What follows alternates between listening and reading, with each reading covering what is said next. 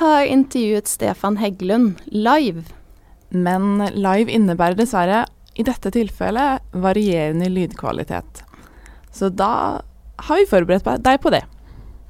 Jepp. Håper du har eh, volumknappene lett tilgjengelig. Kjør live.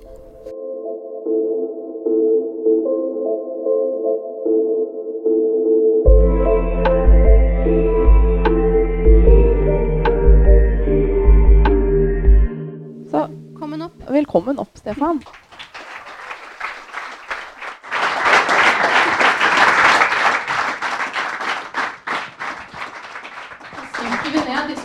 Ja, den er Det setter gode rammer, tenker jeg, for denne samtalen. Jeg vet ikke om det er så mye. Det var en veldig myk sofa. Så det er ikke, jeg vet ikke, Rammer er kanskje ikke.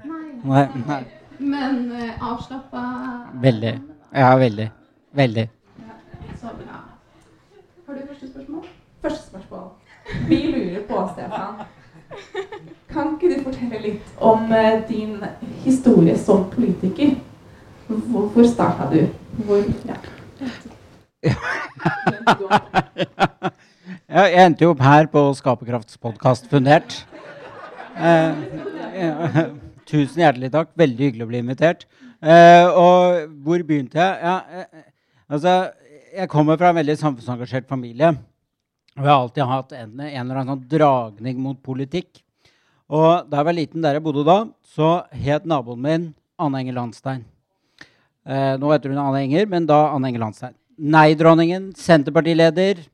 Eh, og da var jeg senterpartist da jeg var åtte-ni åtte-ni år. Ja. Eh, hei, var veldig ivrig på henne og Senterpartiet. Og var en klar nei-mann i 1994. Da var jeg ti, da. Eh, og jeg tegnet en tegning til henne uh, som søsteren min hadde med seg på valgvaken. Nei-valgvaken. Var veldig fornøyd med at det ble nei da. Ikke så glad i det nå, da. Men ja. Jeg er ikke så veldig inni Altså, jeg var ikke født på den tiden. Hva var nei-valgvaken? Hva sier du? Valgvaken. Vaken. Valgvaken? Du sa nei? Nei-valgvaken, ja. Ja, hva, hva? Eh, Valgvake, det er jo der alle de som heier på en side, da. Ja, det jeg. Ja, de er der. Ja, og den tror jeg var på Rockefeller, men jeg husker ikke, for jeg var bare ti år. Jeg var ikke der. Ja. Og der var det stor fest, fordi eh, som du da kanskje har fått med deg, selv om du ikke var født da, så er vi ikke medlem av EU. Ja? Ja, nettopp. Ja, Ja. det det på. Så mm, Ja. Og så eh, Ja, men så flyttet vi derfra. Var ikke hun naboen min lenger. Eh, så var jeg ikke eh, det, det sluttet Min interesse for Senterpartiet, den svant litt hen. Eh, og så ble jeg sosialist da jeg var 13 år. Meldte meg inn i SV, eller Sosialistisk Ungdom. Og så pleier jeg å si noe da som flyr veldig godt i Høyre-forsamlinger. Så får vi se hvordan det flyr her. Men da jeg ble 15, så gjorde jeg det alle 15-åringer bør gjøre. Nemlig å bli borgerlig. Ja. Uh, og, ja. og da Jeg tror jeg hadde en sånn Eller jeg er ganske sikker på at jeg hadde en ideologisk oppvåkning i den alderen. For jeg husker det var jo kommunevalget i 1999. eh, da gikk jeg i 10. klasse. Eh, og så satt vi og diskuterte kommunevalget og en del saker og sånne ting. Og så i samfunnsfagstimen. Og så mens jeg satt og pratet, så merket jeg at dette er jeg ikke enig i. Jeg mener ikke dette. Og jeg vet ikke helt hva det kom av, men så begynte jeg å undersøke nærmere. Gå grundig, liksom prøve å bli litt mer ideologisk interessert. Og da fant jeg ut at jeg kunne ikke lenger være medlem av Sosialistisk Ungdom. Og etter litt mer undersøkelser så fant jeg ut at det er mange ting som er viktig for meg i et samfunn, men frihet må være en av de viktigste verdiene. Og da ble jeg overbevist om at det borgerlige frihetsbegrepet var det riktige frihetsbegrepet. Og da øh, så hadde jeg ikke så mye annet valg da, enn å melde meg inn i Unge Høyre. Unge Høyre. Ja. Så det var der du endte opp Det var der jeg endte opp. nå, som vi sa tidligere. Stortingsrepresentant for Ja. Oslo Høyre. Ja. Uh, ja. Men så har du liksom For jeg har lest meg, prøvd å lese meg litt opp på den historien din. da. Ja. Og du har en ganske interessant troshistorie også. Ja. Eller ja, takk, holdt jeg på å si. Ja. Ja. ja. For jeg, jeg har jo Altså Jeg syns det er veldig interessant at du var ateist og antiteist. Altså du ønsket ikke at noe religion skulle finnes. Mm. Og så nå er du kristen. Mm. Hvordan skjedde det? Hva var det som fikk deg til å tro på kristendommen? Ja, så det er en ganske lang reise, da. Ja. Eh, det er Men jeg var veldig opptatt av å være rasjonell. Alle beslutninger jeg tok, skulle være rasjonelle. Og sånt. Og jeg må innrømme at det hadde nok litt med enkelte politiske tenkere som jeg var opptatt av på videregående, som jeg leste da. Jeg trenger ikke gå så mye i dybden på det nå, for det er litt sånn litt flaut, noe av det. Men ok. Eh, så jeg var veldig opptatt av at det å være rasjonell var en veldig viktig del av min identitet. Eh, jeg kommer, eh, som jeg pleier å si, eh, eh, ikke fra en kristen, men fra en vanlig familie. Ja. Ja. Er det, Eh, er det, innebærer det For det lurer jeg på. Innebærer det at man går i kirken på julaften og sånn? Eller er vanlig nei, familie? så vanlig var vi ikke. Nei. Nei, Ikke sant? Vi gikk, nei, det drev vi ikke med. Nei. Men altså, det varierer. ikke sant? Med en vanlig familie så mener jeg noen er kristne, eh, andre er det ikke. Eh, det er ikke noe man snakker noe særlig om. Ja. Eh, de diskusjonene vi hadde rundt middagsbordet, handlet ikke om religion, de handlet stort sett om politikk. Ja. Men du er døpt. Jeg er døpt, ja. Ja. Og det syns jeg var litt sånn pussig. Og la oss ikke gå inn på en teologisk debatt om dåpssyn, men la meg likevel bare ta det opp. Eh, og det at eh, jeg ble døpt, og jeg er halvt svensk, så jeg ble døpt i den svenske kirken her i Oslo. Eh, da lå jeg ifølge mine foreldre eh, så var jeg det, den eneste babyen, for det var mange babyer i kirken den dagen. Jeg var den eneste babyen som var stille under hele gudstjenesten. Og jeg hadde ligget med foldede hender. Oi. Et Sånn tegn, kanskje. Så ingen av de andre endte opp som kristen eh, når de ble voksne? Det er ing- alle de er eh, skikkelige ateister. Ja. Ja. Skjønner. Ja. Lå i kortene til Ja, det lå veldig i kortene til dem. Eh, men eh, Ja, uansett. Men foreldrene mine de valgte å døpe meg fordi de mente at jeg skulle ha valgfrihet. Og det har jeg liksom stusset litt på. Og det, da jeg var veldig sterk i min ateistperiode, eh, så reagerte jeg veldig på det. Jeg skulle ønske jeg ikke var døpt. Og hvordan i all verden kunne de mene at eh, det var valgfrihet å døpe meg før jeg kunne ta det valget selv? Eh, og da syns jeg det er helt greit at jeg er døpt. Men jeg vet ikke om jeg er enig med dem at det var valgfrihet. Men, og nå kunne vi snakket veldig mye om dåpssyn. Voksendåp, barnedåp. Ja, Ja. Eller trosdåp. Ja. Men la oss ikke. Men uansett, da. Eh, hvor var jeg egentlig? Jo, var veldig opptatt av å være rasjonell. Ja. Eh, og jeg mente at religion var grunnleggende irrasjonelt og ikke noe det var vits å bruke tid på. Det- er? Nå er jeg fra 17 og oppover, okay. hvor dette virkelig engasjerer. Mhm. Eh, og jeg var en ganske Til en viss grad er jeg det fortsatt, men jeg var en ganske irriterende fyr på den måten at jeg liker veldig godt å diskutere. Det blir jo på en måte en yrkesskade òg, da. Ja. Men jeg liker veldig godt å ta debatten. Så hvis jeg fant noen kristne, på en måte, så var jeg veldig ivrig på å ta debatten. Ja. Og da oppdaget jeg Eller ja, unnskyld. Jo, jeg ble lurt på én ting. Eh, hva var det som gjorde at du ble så antireligiøs? Altså, var det sånn Oi, nei, det er ikke bra. Moment? Hva da? At religion ikke er bra? Ja, eller sånn eh, Du kunne vært ateist og lagt det hen der, på en måte. Men Ja. du valgte å være imot. Det er, det er vel det som ligger i antiteist. Ja, Ja. og det, i, det, i det som ligger i det, er vel også at altså, hvis det er sant Mm. altså hvis jeg, ut at, hvis jeg hadde funnet ut at det var sant, så hadde jeg ikke latt det affektere meg. For jeg hadde vært imot dette eh, himmelske diktaturet, sånn som jeg ville okay. ja, Sånn som Christopher Hitchens snakker om. Ja. Ja. Han sammenligner jo eh, ofte kristendom med Nord-Korea. Eh, for der eh, Det er jo en treenighet. ja. Eh, du har jo Eller ikke en treenighet, men du hadde Faderen og Sønnen. Nå har du også Sønnesønnen. Ja. OK, ja. Eh, og, så, og, så, og så pleide han å si at eh, forskjellen på Nord-Korea og eh, en, en, en virkelighet hvor kristendommen er sann, er at nordkoreanere har mulighet til å flykte. ja. Ja. Og jo ikke de der var jeg. Ja, Der Ja. var du.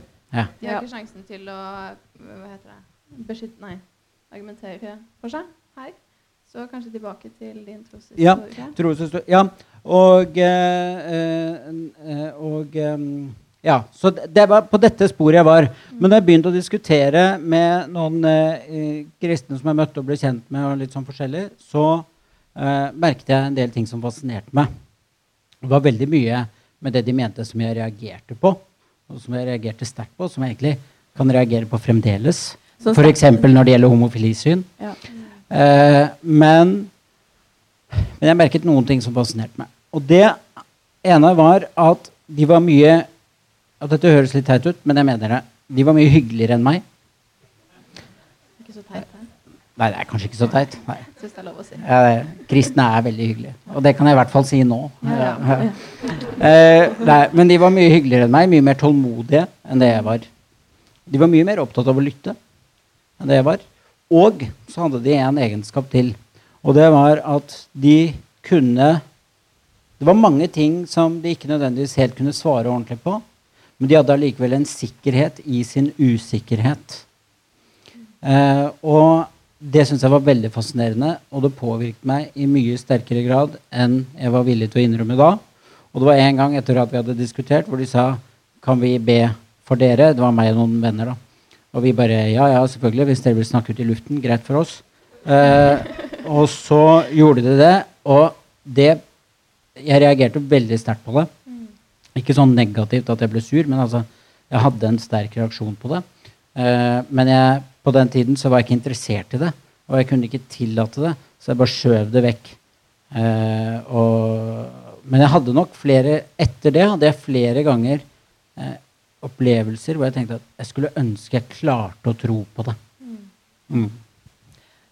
Hva slags Når du sier 'reagerte sterkt', kan du sette flere ord på det? Eller er det Det er veldig vanskelig fordi det er 13 år siden. Ja. Så nøyaktig hva som skjedde, vet jeg ikke. Eh, men en eller annen form for reaksjon var det. Og så var jeg jo veldig da inne i nyateistisk litteratur. Christopher Hitchens er nevnt, Richard Dawkins, eh, litt andre folk. Eh, og eh, ble også veldig påvirket av dem, og det forsterket mine standpunkter. Så husker jeg en dag hvor jeg sto på stand, som man jo gjør når man er politisk aktiv, i en valgkamp. Og da kom det en kar bort og ville snakke om støtte til trossamfunn. Og så sier han masse sånne argumenter mot religion. Og det kommer fra alle de bøkene jeg også har lest. Så jeg sto egentlig bare og ble litt flau. Og så måtte jeg bare si, og det høres sikkert litt arrogant ut, men jeg måtte bare si til ham sånn Du vet hva, jeg vet nøyaktig hvor du er i resonnementet ditt. Jeg vet hva du skal si. Jeg har lest alt du har lest. Uh, og vi blir uansett ikke enige om dette spesifikke politiske spørsmålet eh, som eh, du kom her og tok opp. Og så måtte jeg begynne å tenke det på, på en annen måte. Eh, og da valgte jeg å gå litt grundigere til verks. Det var fortsatt vanskelig for meg å tro at dette kunne være sant. Men så var jeg en annen situasjon hvor jeg var involvert i en bønn, eller hvor jeg ikke var det, men eh, hvor det var eh, en som ba, og jeg var ikke med på det. Og jeg følte meg veldig dum akkurat der og da. Og da undersøkte jeg også veldig nærmere. Og så satt jeg og snakket med en prest en dag. Dette begynner å bli en del år siden nå, da må jeg si. Ja, for Hvor Men- mange år var det, var det etter at du hadde blitt bedt for at du snakket med han på stand? Ja, det var etter. Det er øh, syv år senere. Ok. Ja. Tror jeg. Altså nå Ja. gjetter jeg jo litt, da. Men ja. Så denne reisen tok La oss si at den tok ni år, da. Mm. Ja. Eh, og så, så snakket jeg med en prest, og så sier han at eh, For jeg sa sånn Jeg klarer ikke tro på det. Og så sier han men vil du? Og så sier jeg ja, jeg vil jo egentlig det. Så sa han det er nok for meg. Det holder. Trosvilje holder. Og da skjønte jeg at dette er ikke, dette er ikke noe du skal prestere. Det er noe du skal se på som en gave. Og, da, og så har jeg i ettertid, fordi jeg er veldig glad i argumenter og debatter, og sånne ting, lest mye apologetikk, altså trosforsvar. Og jeg syns det er viktig eh, at man kan argumentere for sitt syn. Mm, og da, når jeg begynte å lese apologetikk, så ble jeg litt sånn Da følte jeg for første gang på et slags gudsnærvær. Jeg hadde aldri i hele mitt liv følt noe Altså skjønt hva det i det hele tatt var. Men jeg leste trosforsvar, argumenter, så var det liksom som om noen sto der og sa Hallo, skjønner du? Jeg er sann. Mm. Ja. Mm. Spennende. Ja. Men du fortsatte. Da hadde du allerede starta i Oslo Høyre. Og så fortsatte du i Oslo Høyre etter dette fra å ha vært Jeg syns det er interessant, ja, at du gikk fra å være ateist i Oslo Høyre til kristen i Oslo Høyre. Er det sånn at det går helt fint? Har du endra Hvordan forholder du deg til det? Er det noe endring? Er det noe en ja. Svaret på det er på en måte ja, og på en annen måte nei. ja. Og når det gjelder de generelle politiske standpunktene, så er svaret nei. Eh, og hvorfor det? Jo, fordi eh, den, altså, den konservative tankemåten som jeg har i ryggmargen, den sitter altså i ryggmargen. Og den kommer ikke til å forsvinne. Og jeg mener det går helt fint an å kombinere min ideologi og mitt partis syn eh, med å være kristen. Og det er jo masse kristne folk i Høyre. Altså det er jo ikke mangelvare i mitt parti, eh, for å si det forsiktig. Så det en av mine nærmeste kollegaer for øvrig er, er katolikk osv. Så, ja. så, så, så, det, det, så svaret på det er nei. Fordi det har også mye med hva jeg mener statens rolle skal være i et samfunn. Hva sivilsamfunnets rolle skal være i et samfunn. Det endres ikke av dette. Når jeg sier på en måte ja, så er det hvordan jeg forholder meg til min jobb som stortingsrepresentant, eller det vervet jeg er så privilegert til å ha. Uh, og det, det er litt sånn da Hadde jeg visst hvor slitsomt det er å være kristen, så hadde jeg kanskje ikke ja. Kan du utdype det? Altså, det jo bare, man har jo bare dårlig samvittighet hele tiden. Ja. Ja. Uh, altså det er en veldig fred og glede i det, men det ligger jo hele tiden en sånn dårlig samvittighet der. Og, og et av problemene der er eh, Og det hørte jeg også det var litt interessant, for jeg sa dette i en annen sammenheng hvor det var en prest, og han sa det er akkurat sånn er det å være prest òg. Og det er Vi får veldig mye henvendelser fra interesseorganisasjoner, enkeltmennesker i vanskelige livssituasjoner osv. Klarer man å gi alle den oppmerksomheten de fortjener? Det er veldig vanskelig, for det er så mye som kommer hele tiden. Eh, og det er eh, Det er en utfordring som, man liksom må, som jeg tenker annerledes på nå enn jeg gjorde før. For da føler du mer på det ansvaret Ja. for å ta vare på alle rundt deg? Er det det det Ja, eller altså, man, altså i hvert fall jeg, da. Begynte å se på Ikke det at jeg hadde et negativt menneskesyn før, for det hadde jeg absolutt ikke. Men, men jeg, har, altså, jeg har jo fått et litt annet menneskesyn. Altså det gjør, i hvert fall for min del, når jeg snakker for meg, så gjør det noe med deg når du begynner å se på andre mennesker som evige vesener. Og det merker jeg påvirker meg også i min arbeidssituasjon. Hvordan jeg forholder meg til eh, en del av de problemstillingene vi, må, vi er oppe i. Og det er litt sånn når vi, vi kan, det er Både når det gjelder folk vi møter, og folk som er i vanskelige livssituasjoner, men også det når vi gjør, når vi gjør eh, vanskelige budsjettvurderinger, f.eks. Eh, blir jeg da, for å være veldig from et lite øyeblikk, blir jeg da en som eh, legger byrder på andre, men ikke rører dem selv med en finger?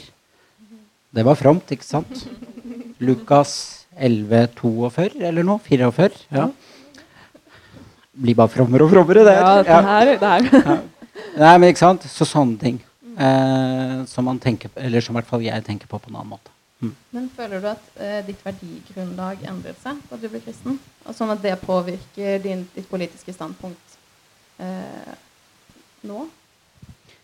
Egentlig så var mye av mange av de altså, La oss si noen av de sånn tradisjonelle, det man kan kalle litt sånn KrF-standpunktene, da, er jo standpunkter jeg allerede har hatt en stund. Så f.eks. på bioteknologi. Det går an å være eh, restriktiv i bioteknologispørsmål uten å være kristen. Det går helt fint an. Så jeg har ikke Ja, jeg har fått et annet syn på mennesker jeg møter, kanskje, osv., men, politiske enkeltstandpunkter har det ikke vært nødvendig for meg å korrigere. Men som sagt så har det litt også med hvordan man ser på statens rolle i samfunnet. Skal det være grenser altså, En av de tingene som var veldig viktig for meg fra unge høyretiden, og er det fremdeles, det er grenser for politikk. Det er faktisk grenser for poli hvilke problemer politikere kan løse. Hvilke problemer myndighetene skal inn i. Eh, og vi har en samfunnsdebatt i dag hvor det ikke er noen grenser for politikk overhodet. Jeg husker, eh, altså jeg kan ta en rekke eksempler på det hvis dere er interessert. Ja. Eh, ja. Så for meg så sitter dette så rotfestet. Og med tanke på de, det politiske synet jeg allerede hadde, så har det ikke vært så Men én ting som jeg syns passer veldig fint da, med å være konservativ og det å være kristen, og dette at man snakker om mennesket som evig, det er jo den konservative grunntanken om at samfunnet bygges ikke av enkeltgenerasjoner. Samfunnet bygger vi i fellesskap med de generasjonene som var før oss, og de generasjonene som kommer etter. Og det syns jeg passer veldig bra. Ja. Ja, Salutt for det. Salutt for det. Ja.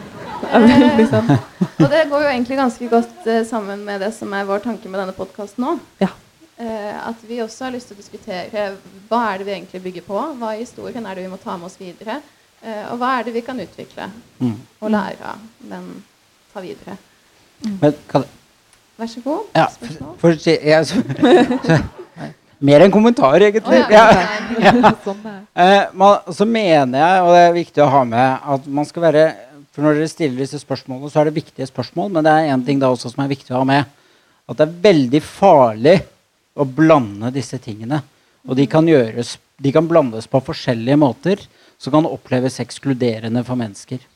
På den ene siden så har du det som jeg også har følt på, og som en av mine nære eh, venner og partikolleger eh, var ute og snakket om da hun meldte seg ut av Den norske kirke.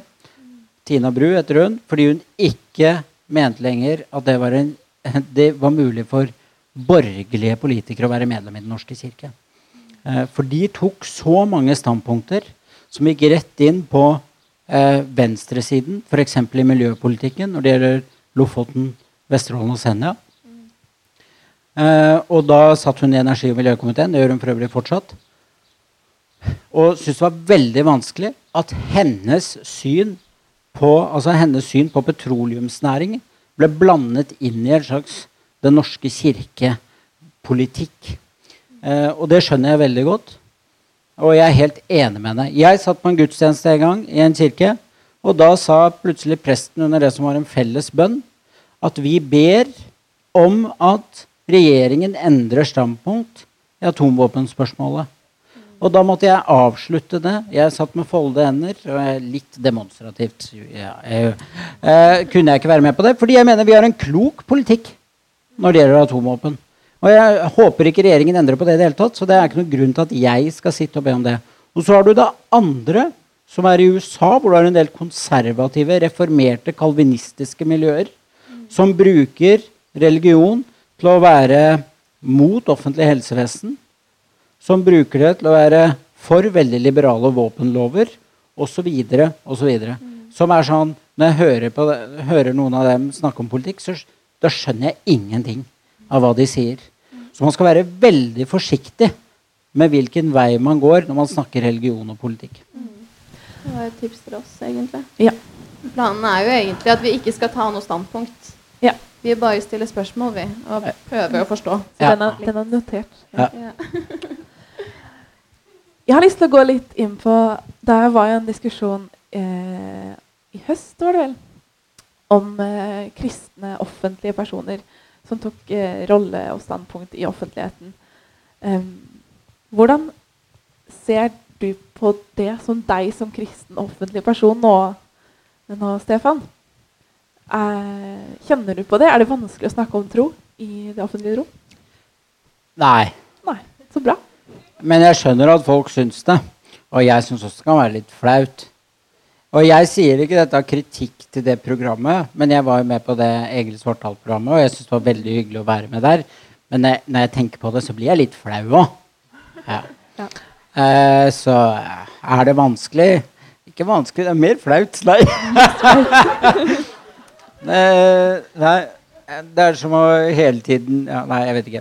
Men eh, det Men får du andre spørsmål nå enn det du gjorde før du ble kristen? av eh, media, f.eks.? En gang de lurte på om eh, mitt standpunkt til bioteknologispørsmål hadde noe med det å gjøre. Og svaret mitt på det var nei. Og det er eneste gangen. Okay. Mm. Men jeg synes jo det er veldig altså, Jeg ble jo spurt for eksempel om å holde andakt på NRK. Og det syns jeg var veldig hyggelig. Det var jo art en artig utfordring. Ja. Og da gjorde jeg det. Ja. Eh, og eh, så har det vært noe Vårt Land og eh, Dagen. Ja. Andre typer media som tar kontakt? Andre forespørsler? ja, det er litt andre forespørsler Ja. eh, enn tidligere. Det er veldig hyggelig, det. Og veldig mange menigheter som vil Ja. Kanskje jeg skal dra på turné. Ja, det er Men det, men, det er jo, men det er jo litt problemet, da. Det er jo litt problemet til kristendom, eh, eller kristne eller som vi har i Norge, det er at det er, bare oss, det er bare hverandre som er interessert i å høre på oss når vi snakker om tro. Du, det er så sant. Jeg var ute i går og skulle prøvde å lage en sånn uh, Fem på gata-greie til i dag. Ja, hva skjedde med det Ja, det var vanskelig. For da går jeg opp ikke sant? spør her kan vi spørre deg et spørsmål. Uh, jeg lurer på om uh, hva du tenker om tro og samfunnsengasjement. Om det kan kombineres.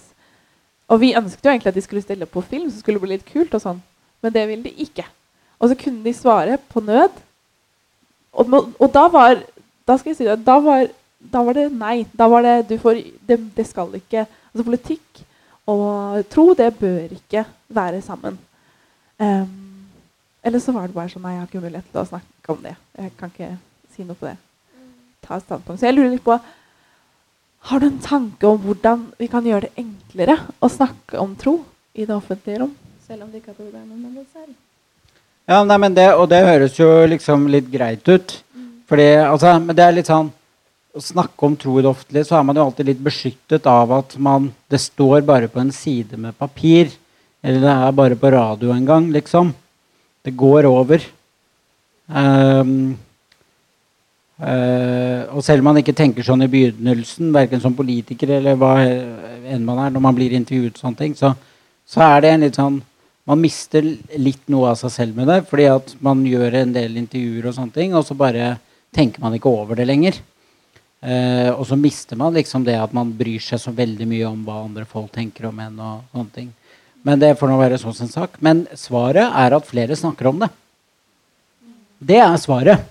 Og det handler om at eh,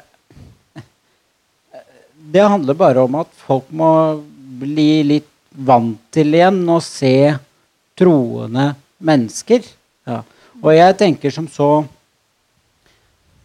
at av og til så virker det jo som om eh, norske muslimer har mer frimodighet enn norske kristne. Ja. Og med tanke på alt det de må gjennomgå, så er jo det litt rart. Ja. Ja. Så, ja. Det er veldig, veldig sant. så vi må Ja, det kan være ubehagelig. Ja, det kan være flaut. Ja, du får en del Du kan få en del sånne fordom mot deg. Ja, da mener han eller hun det og det om det og det. Og så får man bare tåle det. Fordi at man har et budskap man synes er såpass viktig. Eh, at eh, Og alt går over. Og det som gjør vondt, går også over. Og det som er flaut, går også over. Ja. Og Jo. det som er hyggelig, går også over. Ja, Dessverre. må litt da. Ja. Men dette er veldig interessant. Eh, og det er jo noe kjernen Hva skal du si? Jeg syns bare, jeg synes, også synes jeg, og det er fordi som, Siden jeg er med i Høyre, da, så må jo alltid komme Ja. litt sånn ekstra kritikk av eh, hvordan Den norske kirke er for tiden når det gjelder politiske standpunkter. Men vi må hvis bare eh, skyte inn der at vi er politisk uavhengige. her Ja, helt Ja, det, må dere, det er dere. Ja, vi er det. Ja. Eh, og, men, men Og det er jo bare å si det at eh, hvis de hadde snakket like mye om det å tro eh, som de hadde snakket om eh, flyktningsituasjon eh, eller eh, LoVC, petroleumsnæring osv., så, videre, eh, så kanskje Ikke sant? Ja. Det er bare et tips, da. Og det, det, det betyr ikke at jeg mener at de aldri skal snakke om flyktningsituasjonen. Det er helt naturlig for en kirke å være engasjert i. Jeg sier ikke det. Men de må også snakke om Når det var debatten for litt siden, og programlederen spurte en prest kan du holde en gudstjeneste uten å nevne Gud og Jesus, og, svar, og hun nøler når hun svarer på det, det går ikke. Tror du det henger litt sammen med den flauheten? At det er eh, Hva, sa- hva sa du? det, at den flauheten, at det er vanskelig å snakke om Gud og Jesus og Fordi man blir flau? Ja, eller man, at det, det er liksom blitt en sånn norm da, at det snakker du ikke om i det offentlige rom. Ja, at det er tabu, liksom. Ja. Kanskje. Hva tror du? Ja, jeg, eh, ja, det kan godt hende. Ja. Og det er jo veldig synd, og man ser jo veldig mye sånn religiøs analf... Nå, nå var det litt sent på kvelden, så jeg klarte ikke å si det enkle ordet fordi jeg er analfabet selv. Nei. Religiøs analfabetisme. Eh, og veldig liten forståelse for hva troende mennesker Hvordan troende kan resonnere i ulike spørsmål. Og liten forståelse for hvorfor de resonnerer på den måten. Eh, og eh, det er jo fordi man har fått et samfunn etter hvert der det er blitt så uvant. Man berører tro så sjeldent. Så løsningen er altså å snakke mer om det. Snakke mer om det. Ja. Det skal vi gjøre. Ja. Ja. Det skal vi gjøre. Det skal vi gjøre. Tusen takk, Stefan, for at du har sittet her og snakka masse med oss. Tusen hjertelig takk for at jeg fikk lov å komme. Vale.